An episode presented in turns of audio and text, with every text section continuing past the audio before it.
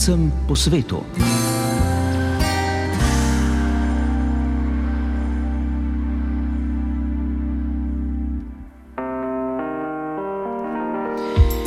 Lepo pozdravljeni v tokratni oddaji. Zelo razgibana bo z radijskimi zgodbami. Vas bomo popeljali do Moskve, kanadskega Halifaxa, pa vse tja do zimske šole slovenskega jezika, ki se je danes končala v Ljubljani. Spoznali boste pevko in igravko, ki se je zaljubila v rusko prestolnico, kjer živi že nekaj let, sicer pa je delovno razpeta med Moskvo, Londonom in Ljubljano.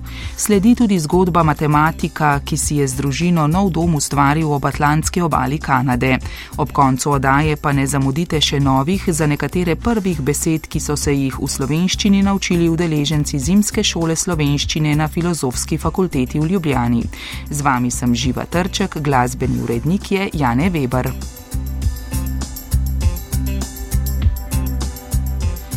Začenjamo v Moskvi, ruski prestolnici z okoli 13 milijoni prebivalcev, ki se razteza ob reki z istim imenom.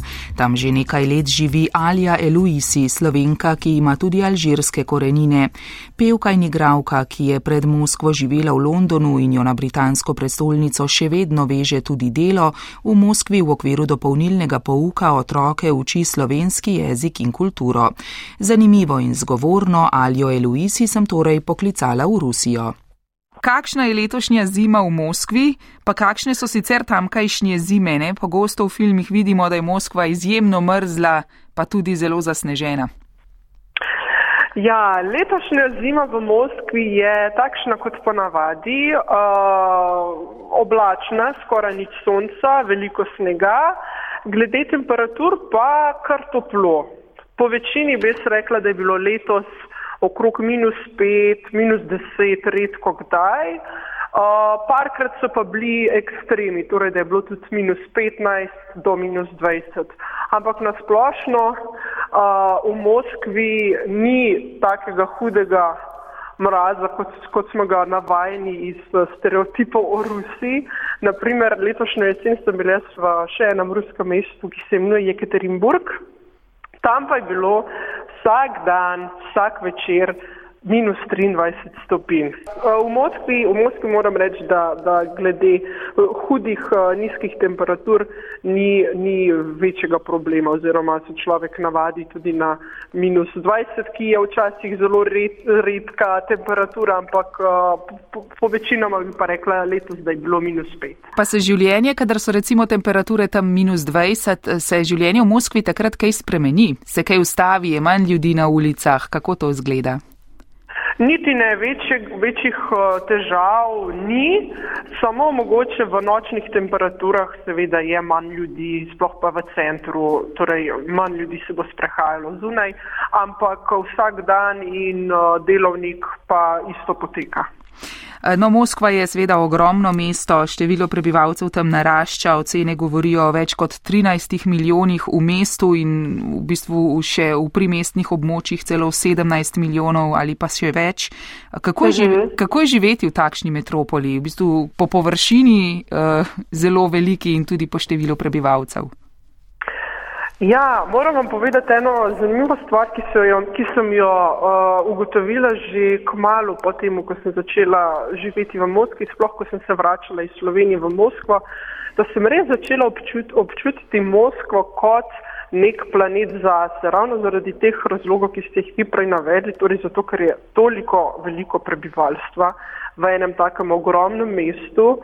In tudi energetsko čutiš, da je to ena taka ogromna stvar, kjer tudi stvari drugače potekajo. Torej, ljudje so drugačni, um, to ni Evropa, uh, glede na tudi raznolikost ljudi. Tako da to se tudi v zraku občuti. Ampak glede na samo velikost mesta, pa za me ni bilo hujšega šoka, zato ker sem že prej tri leta v Londonu živela. Tako da sem že takrat uh, se nekako navadila na vele mesto oziroma sem ugotovila in tudi sama pri sebi spoznala, kaj potrebujem nekako za notranje preživeti v tako velikem mestu, kar je tudi recimo, če se moraš parkrat na dan peljati podzemno, da vmes uh, poslušaš glasbo, pos, uh, bereš knjigo, tudi če potovanje v eno smer praja okrog eno uro, da si tudi tisti čas uh, izkoristiš in da bolj začneš vrčevati svojo energijo. Ker na začetku, ko sem začela uporabljati moskovski metro, sem bila res zelo utrujena tudi zaradi tega, ker se tam toliko raznih ljudi izmenja na dnevni ravni, sploh če so to jutranje ali pa popodanske ure, ko ljudje grejo ali pa zapuščajo službo. Tako da um, seveda izkuš, iz izkušenj sem se naučila, kako nekako notranje preživeti, ohranjati sebe in uh, nadaljevati s svojim življenjem, ne glede na to, uh, da, je, da je mesto tako veliko. Ja. Uh, prej ste omenili, ko se vračate pač uh, v Slovenijo in potem nazaj v Rusijo, um, da se morate kar navaditi, da so ljudje v Rusiji drugačni. Torej, kakšni so Rusi? Rusi nasplošno.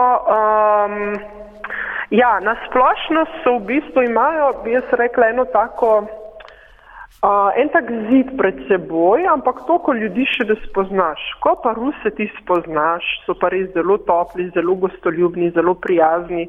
Jaz imam z Rusi samo dobre izkušnje, nobenih slabih izkušenj nimam.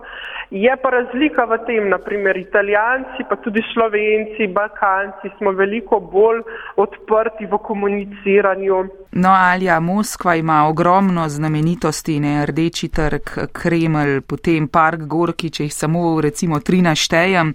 Kako je živeti v mestu s tako bogato ponudbo znamenitosti, kulture, tudi seveda ob pestri zgodovini, ki jo ima Moskva? A ko ste se preselili tja, ste imeli mogoče seznam stvari, ki si jih morate ogledati? pa zdaj te stvari se z nama samo črtate? Uh, še zdaj vam iskreno povem, da še zdaj, ko se naprimer samo s taksijem peljem čez center Moskve, uh, naletim na kakšen nov muzej, ki me zelo zainteresira in ki si rečem, ok, to pa tudi moram še pogledati. Uh, seveda v prvih obiskih, obiskih Moskve sem, um, sem najprej obiskala najbolj pomembne tradicionalne znamenitosti, kot so na, največji muzeji, galerije, rdeči trg in podobne zadeve, kot ste jih že sami našteli. Uh, kasneje pa potem sproti, sproti sem še obiskala recimo veliko gledališč, ki jih tudi zdaj poskusim čim več uh, obiskovati, galerij in podobnih zadev, oper, Balšoj teater. In tako naprej. No, ko ste ga ravno omenili, Bolšoj teater, to je seveda ena od svetovno najbolj znanih gledaliških, opernih in baletnih hiš. Kako, kakšne so predstave v Bolšoj teatru? Kaj ste si ogledali, kakšni občutki so bili ob tem? Vendar le sega Bolšoj teater že tam v sredino 18. stoletja ne? ima zelo dolgo in bogato zgodovino. Res je. Že, že sam obisk v Balšoj teatr, tudi če ne greš uh, na predstavo, je neka posebna uh, izkušnja, zato ker je notranjo zelo bogata, čuti se zgodovina, res zelo lepo je notri. Potem pa, ko, uh, ko pa greš na predstavo, pa so tudi lože izjemno lepe, izjemno bogate. Um, sama sem se gledala kar nekaj predstav in sicer na veliki sceni in tudi na novi sceni, kjer, kjer so ponavadi predstave opere.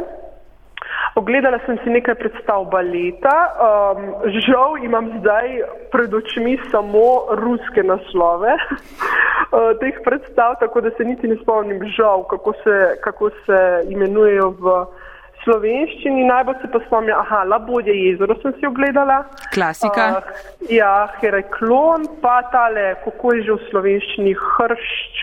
Hrestač. Hrestač, ja, to sem si tudi pogledala.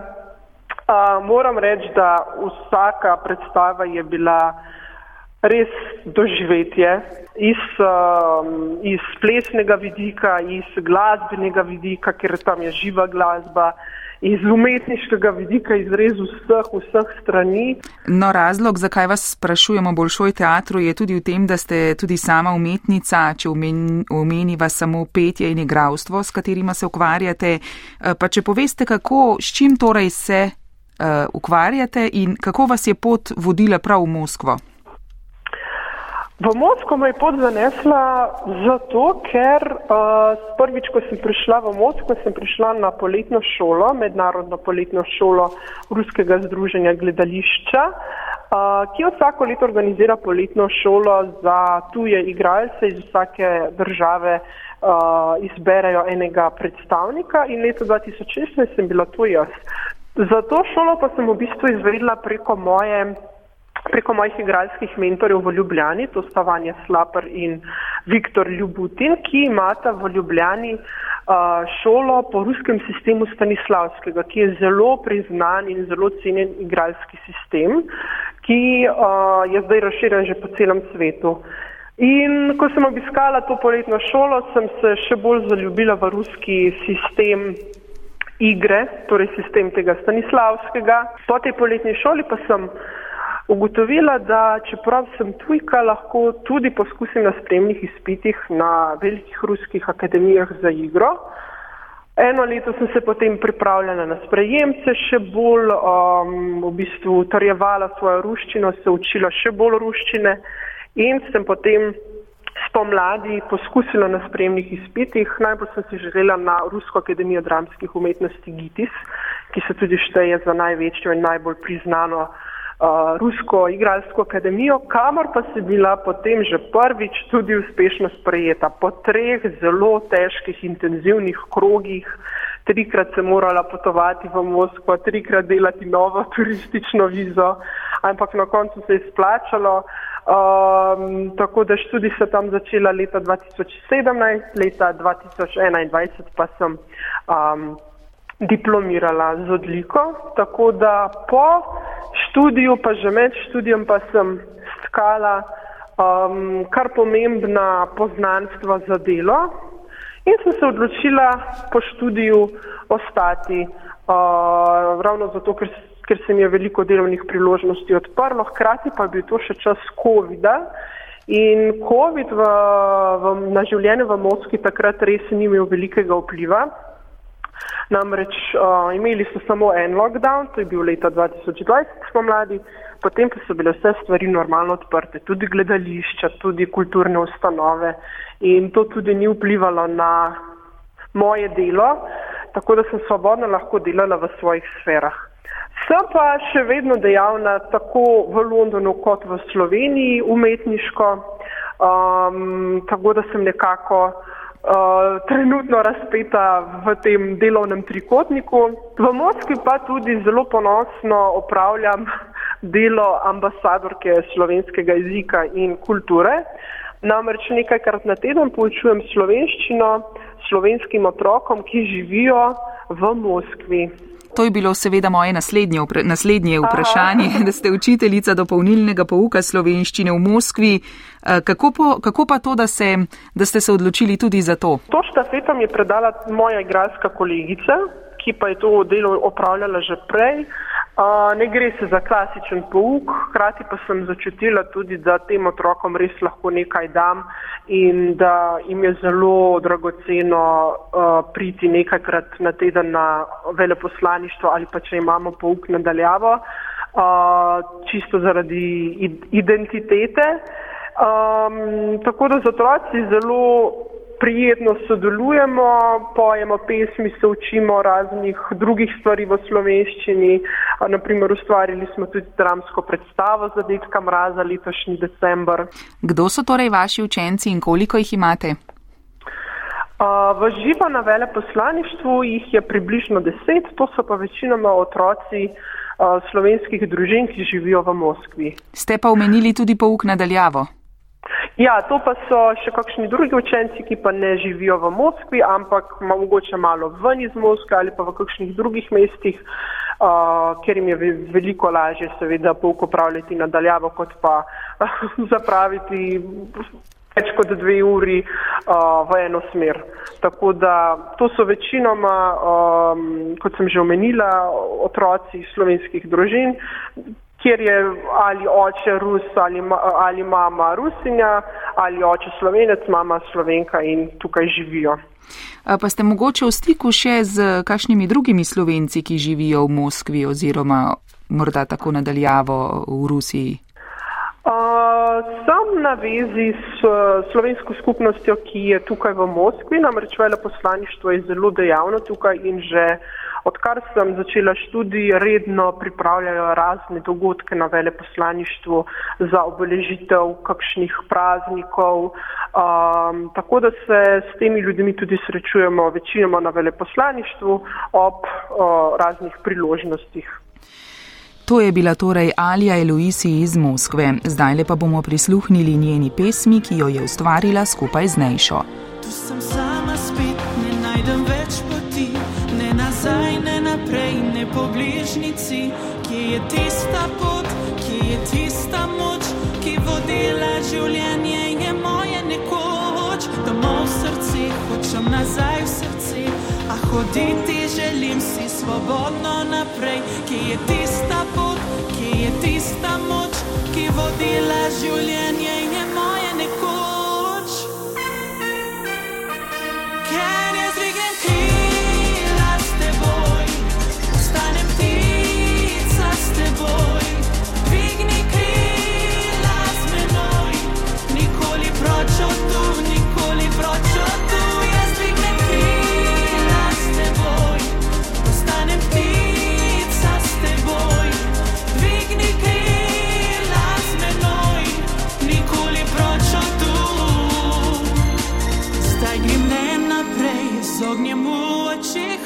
Pred seboj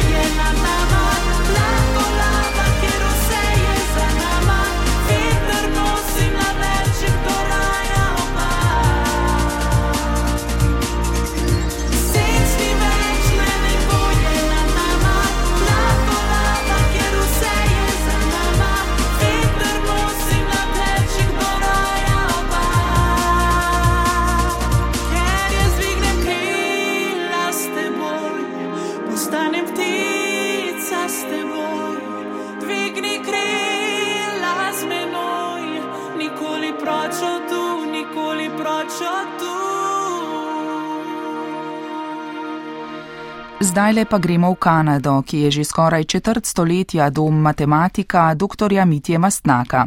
Živi v mestu Halifax ob Atlantski obali skupaj s soprogo in štirimi hčerkami.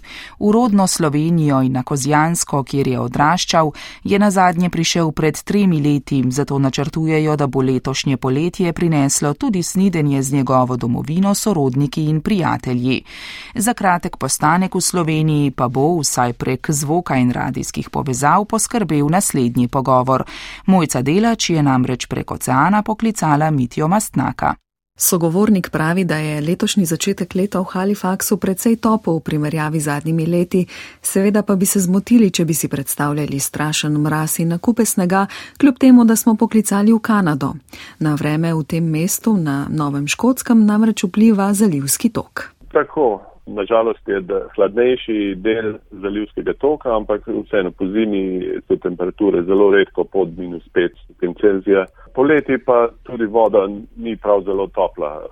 Običajno tu na plažah bo voda nekje med 15 in 20 stopinj Celzija in tudi temperature so zelo redko nad 30. Greva nazaj v čas vašega otroštva. Kako ga je bilo preživljati tam v okolici Šentjurja? Kako se spomnite svojega otroštva? V glavnem samo lepi spomini. Mi smo se preselili iz Velenja, ko sem bil star približno pet let na Proseniško. To je manjša vas v bližini Šentjurja. Zelo lepi spomini. Ste kot otrok radi raziskovali kozijanske griče in naravo in se družili s sovrstniki? Ja, prav veliko sovrstnikov v vasi ni bilo, ker je manjša vas, ampak ja, seveda, kot vsi v Sloveniji sem rad hodil po hribih, po zimi smo se smučali po lokalnih hribih, precej ruralno območje, ampak ja, imam zelo lepe spomine. Seveda logično vprašanje, glede na to, da ste matematik, kar smo seveda razkrili tudi v napovedi, so vas številke zanimale že zelo zgodaj, ste bili dobri z računanjem z njimi? Zelo zgodaj, mislim, da prvič, da se spomnim, sem bil star, ne vem, šest ali sedem let in sem nekje videl, da je imel oče kalkulator. In jaz sem si tudi za, od, za novo leto od detka mraza zaželel kalkulator. In takrat to ni bilo tako enostavno. Mislim, da zdaj imamo seveda vsak računalnik v žepu, v telefonu, ampak uh, takrat uh, ja, uh, dobiti kalkulator v, v takratni Jugoslaviji ni bil uh, povsem enostaven proces, ampak uh, nekako so ga starši, so starši dobili kalkulator in potem sem se jaz s tistim kalkulatorjem igral dneve in dneve. Tako da to je moj prvi, prvi spomin uh, o, o številkah. Zdaj, ko ste se spomnili na to, sem pomislila tudi, da je pravzaprav tudi za prvim žepni kalkulator zaslužen slovenec po svetu, ne? Francero D.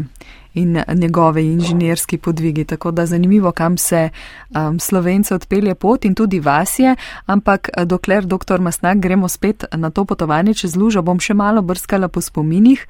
Če ste rekli, da so to vaši prvi matematični, letos mineva prav 30 let od um, matematične olimpijade v Istanbulu, um, kjer je Slovenija prvič sodelovala kot samostojna država, tam ste bili tudi vi in uspešno ste zastopali um, barve Slovenije. Kaj? Kako se spomnite um, tistega časa in tistega ja, nastopa?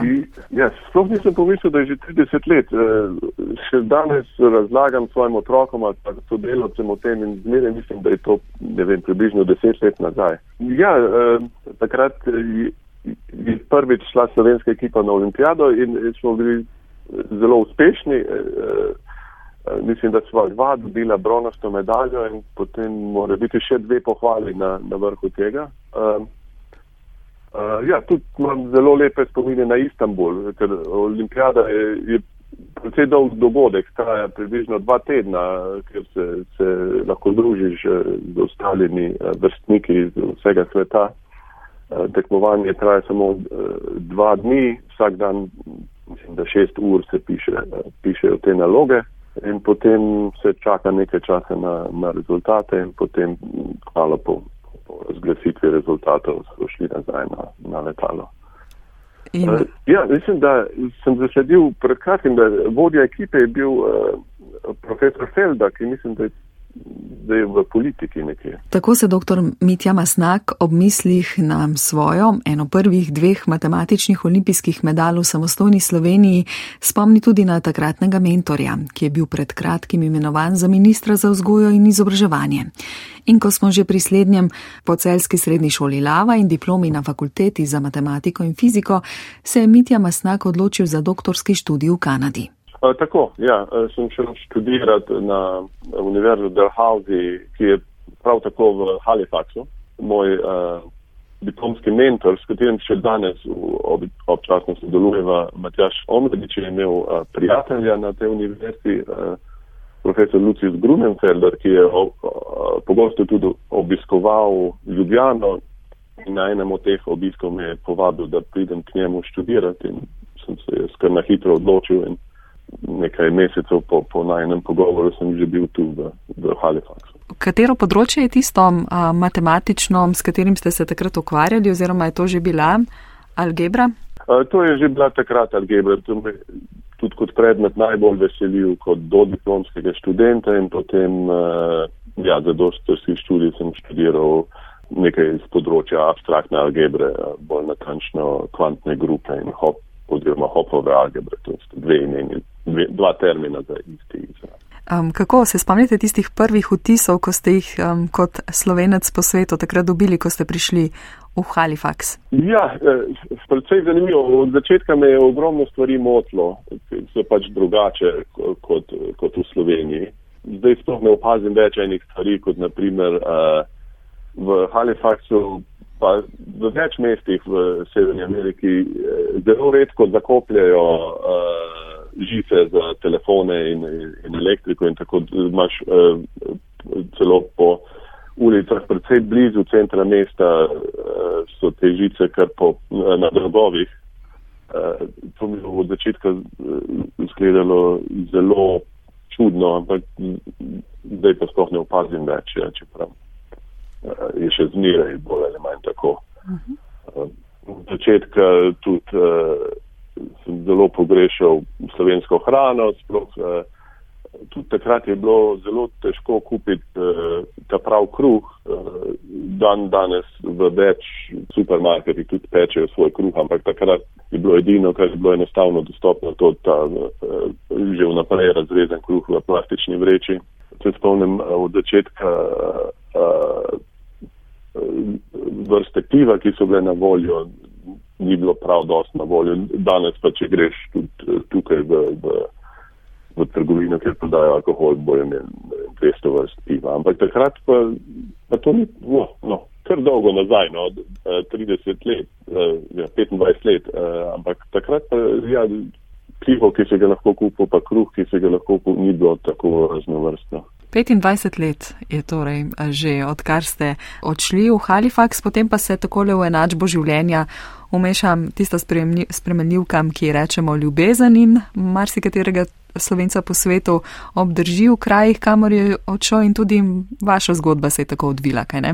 E, tako, ja, moj, moj, na začetku sem v vsakem primeru nameraval e, domov takoj ali pa skoraj takoj po, po končanju doktorskega študija, ampak e, med, med doktorskim študijem sem spoznal mojo sedanjo ženo in uh, potem smo se odločili uh, ostati uh, v Kanadi. Sva tudi razmišljala o tem, da bi morala biti uh, prišla v Slovenijo, ampak uh, takrat je bilo to preveč uh, nekako zapleteno. Uh, Jessica ne govori slovensko in tudi takrat dovoliti dovoljenje za, za delo bilo, uh, ni bilo tako enostavno. Vedno bolj poredkoma pomislijo na to, da bi prišli živeti v Slovenijo, prizna dr. Mitja Masnak. Življenje pač požene svoje korenine. V Kanadi je ženina razširjena družina, hčerke odraščajo.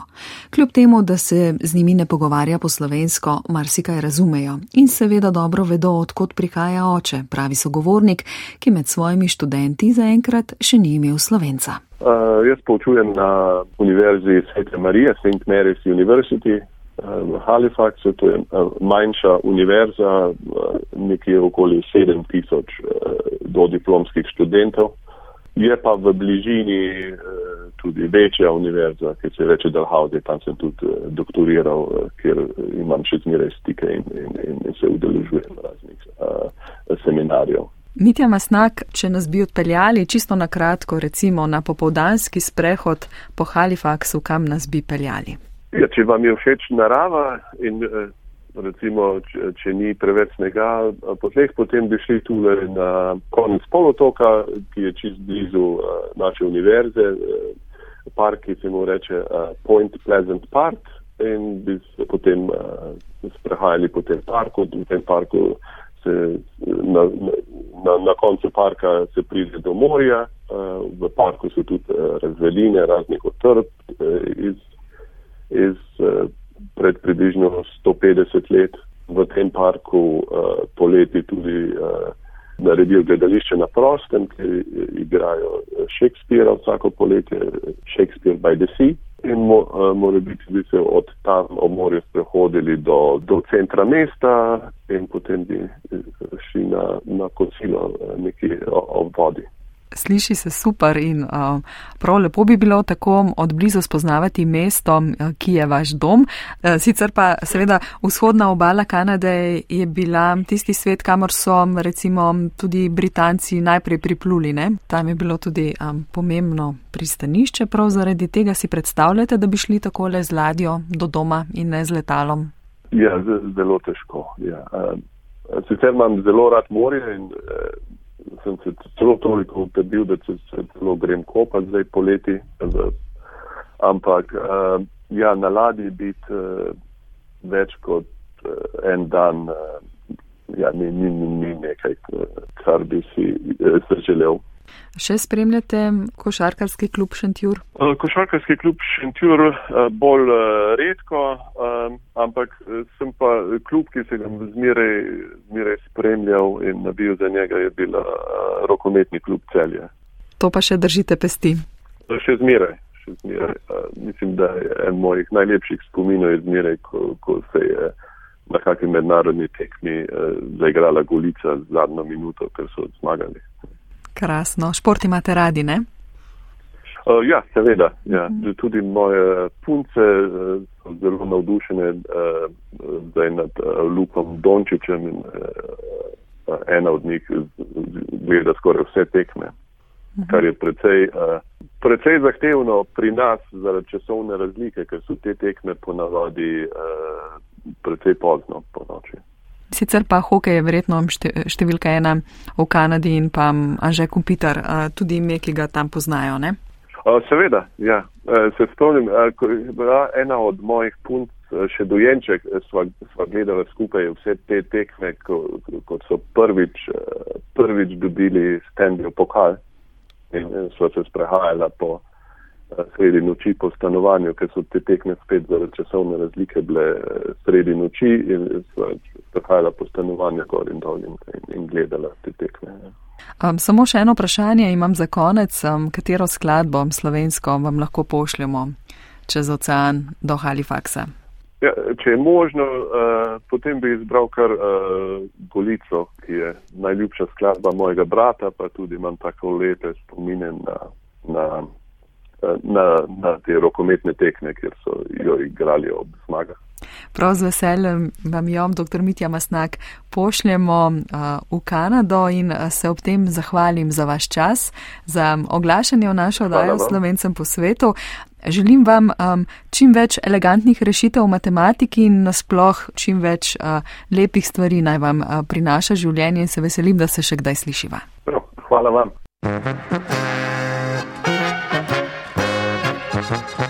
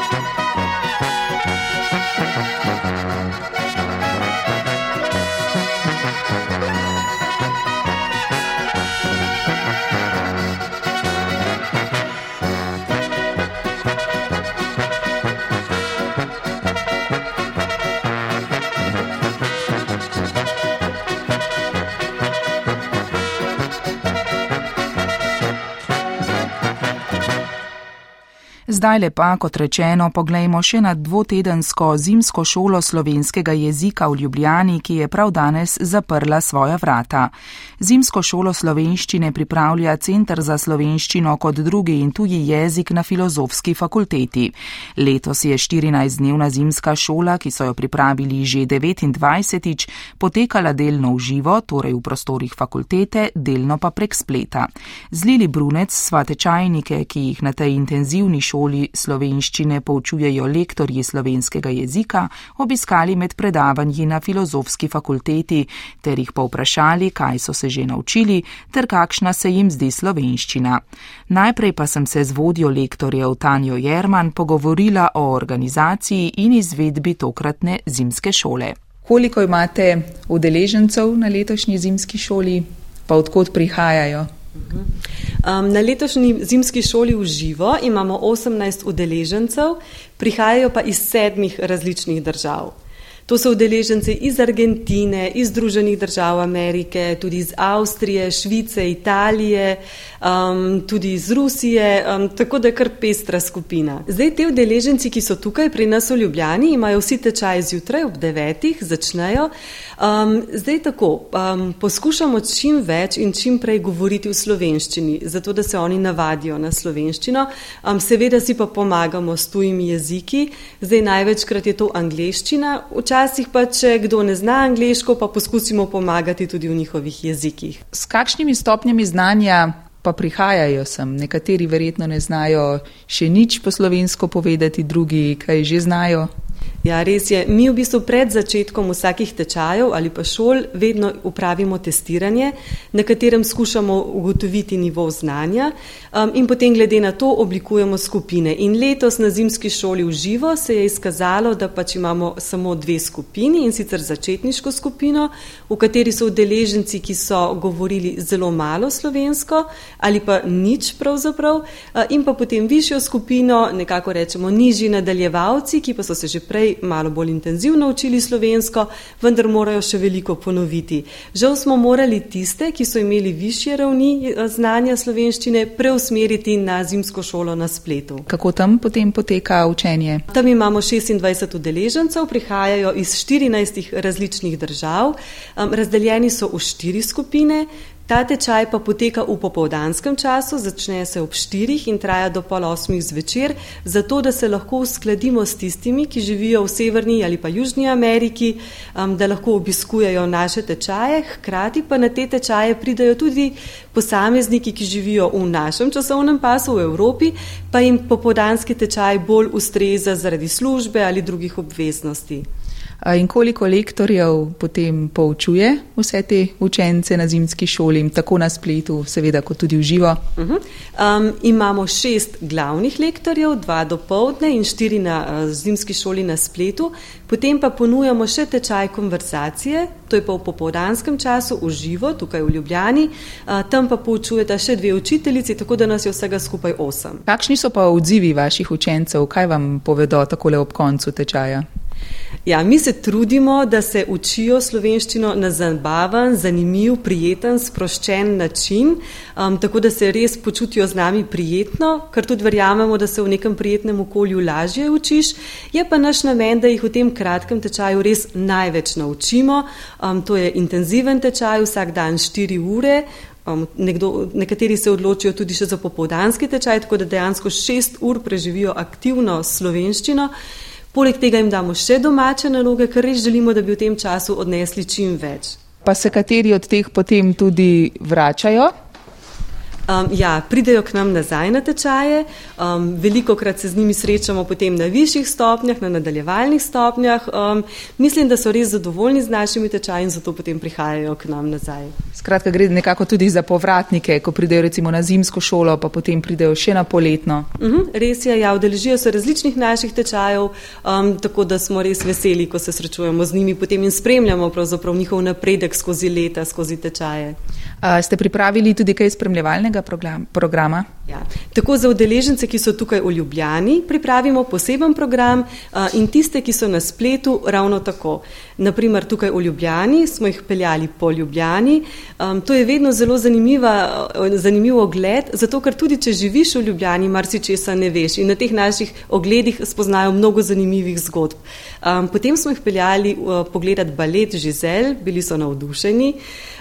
Odhaj, odšli so v Narodno galerijo in pa imeli smo delavnico povstenja.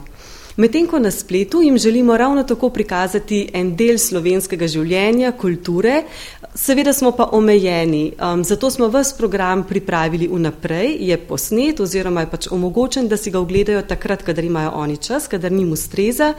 Um, pripravili smo jim video o Ljubljani, naša vodička se je na lep sončen zimski dan sprehodila po Ljubljani in posnela tak krasen prispevek o njej. Um, potem smo jim ponudili kulinarično delavnico, pekli so prek Mursko gibanico in nam poslali krasne fotografije. Kaj pa vi opažate, s čim imajo največ težav, kar jim je potem najtežje usvojiti pri slovenščini? Ja, res so skloni, sploh na začetnih stopnjah so skloni, te, ker jih imamo tako veliko, tako raznolike končnice. Um, tudi dvojina je nov koncept za njih in ga morajo osvojiti. Um, na višjih ravneh so pa potem besedni redi, vezava glagola s predlogi, dovršni, nedovršni glagoli, če tega ne poznajo v svojih jezikih. Tako da so kar zapletena poglavja, pa potem zaimki in tako naprej, je kar nekaj tega. Zakaj poznaj, iz kakšnega okolja prihajajo, recimo, eh, da imajo učenke iz Amerike, naprimer, druge vrste težav pri slovnici, kot naprimer učenec iz Italije? Um, ja, se pozna. Prvi jezik se precej pozna. Če so uh, jeziki bližje nam, naprimer, če nekdo prihaja iz slovanske jezikovne skupine, za njih koncept sklonov ni težek. Oni samo vejo, da se morajo naučiti končnic. Za nekoga, ki pa se prvič s tem sreča, je pa seveda velik šok, ko naprimer Martin naenkrat postane vidim Martina ali pa recimo vem, Martina postane vidim Martino, ko se začnejo spreminjati te oblike že pri njihovih lastnih imenih je tak šok, recimo na začetnih stopnjah, na začetku. Um, je res, če je jezik bližje slovenščini, si z njim lažje pomagajo, več razumejo in v bistvu na nek način lahko hitreje napredujejo, ker morajo samo v bistvu se naučiti novih končnic. Um, če pa so zelo oddaljeni jeziki, um, sploh če so ne indoevropski jeziki, ne, je pa ta korak do slovenščine malo težji.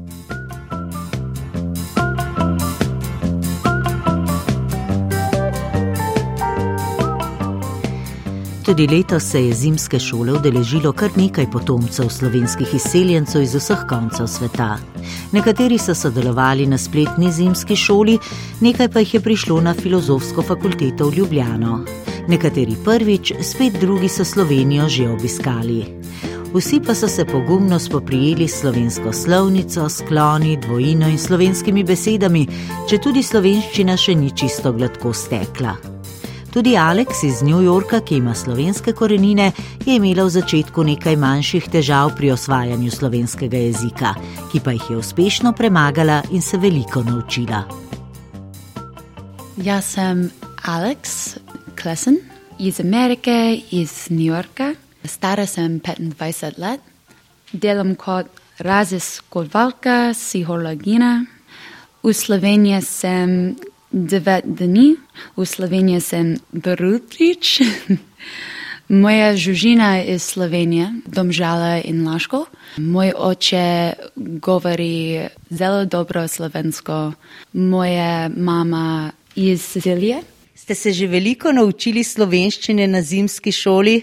Študiram eh, veliko slovenščino, se učim Veliko. Kakšne posebno težke besede v slovenščini, katere besede ste se že naučili? Jabolko, kava, spim, gledam, berem, poslušam glasbo, sprihod, gremo, sladoled. je katera še posebej težka? Raz iz kolvalka je težke. Sklon zelo težek. Vam je všeč Slovenija? Radi imam Slovenijo. Slovenija je lepa, ampak majhen. Ljubljana uh, in Škofja Loka uh, in Šenfit in Laško, Maribor, Piran, Kranska Gora, zelo lepo.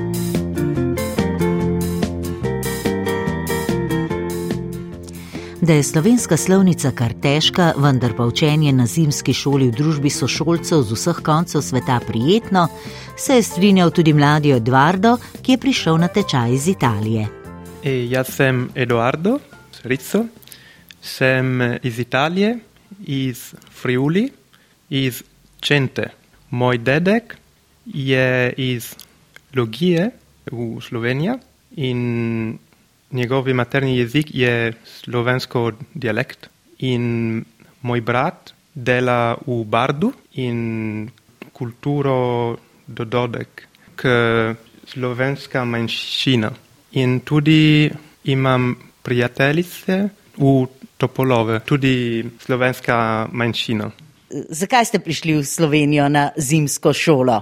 Ker želim se učiti slovenščino in hodim slovenščino tečaj v Spjetaru, že, ampak želim bolje govoriti. Vam je kaj še posebej težko?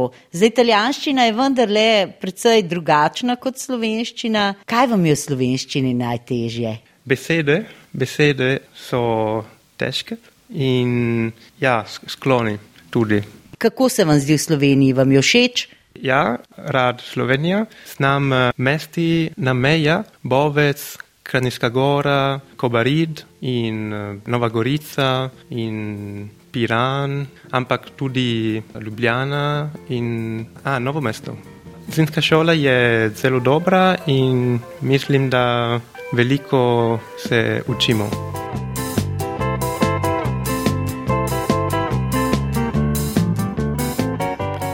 Novinarka Terjan Žur iz Amerike je Slovenijo že večkrat obiskala, saj tu biva njen sin.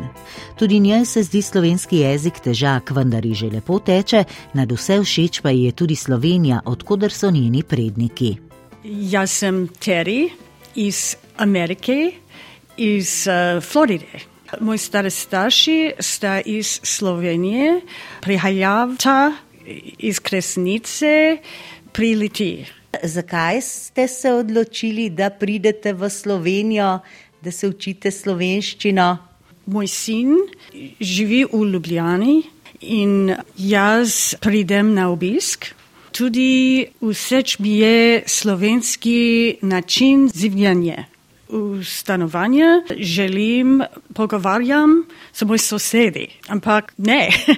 Med COVID pozabila tudi vse slovensko. S čim pa se v Ameriki ukvarjate, kaj delate v Ameriki? Uh, po poklicu sem novinarka, ampak zdaj delam kot učiteljica novinarstva in uh, pišem blog o potovanju po Sloveniji in svetu.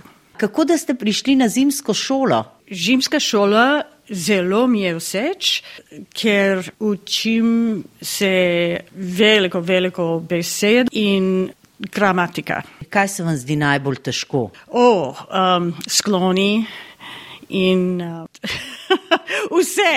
Nikoli ne govorim slovensko v Ameriki, nič.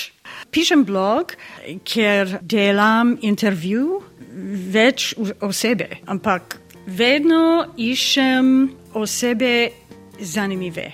Intervjujem po angliško. Pa sicer, kakšna se vam zdi Slovenija, kako vam je všeč v Sloveniji? Slovenija je najboljša država v svetu.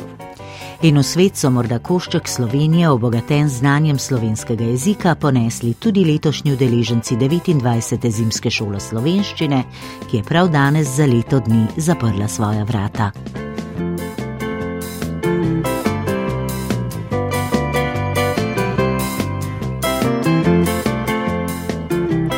Z udeleženci zimske šole se je pogovarjala Lili Brunec.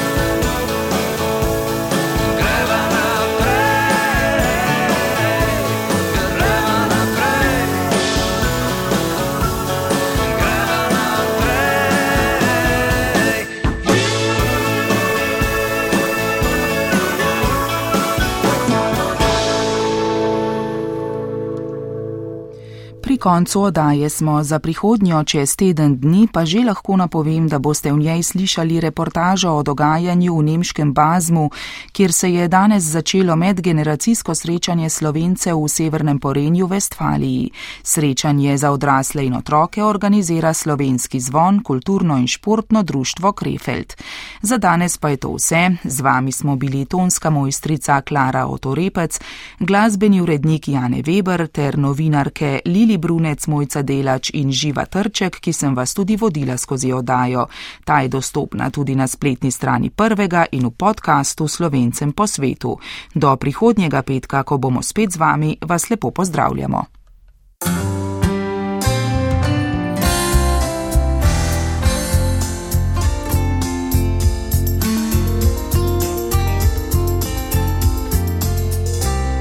Slovencem po svetu.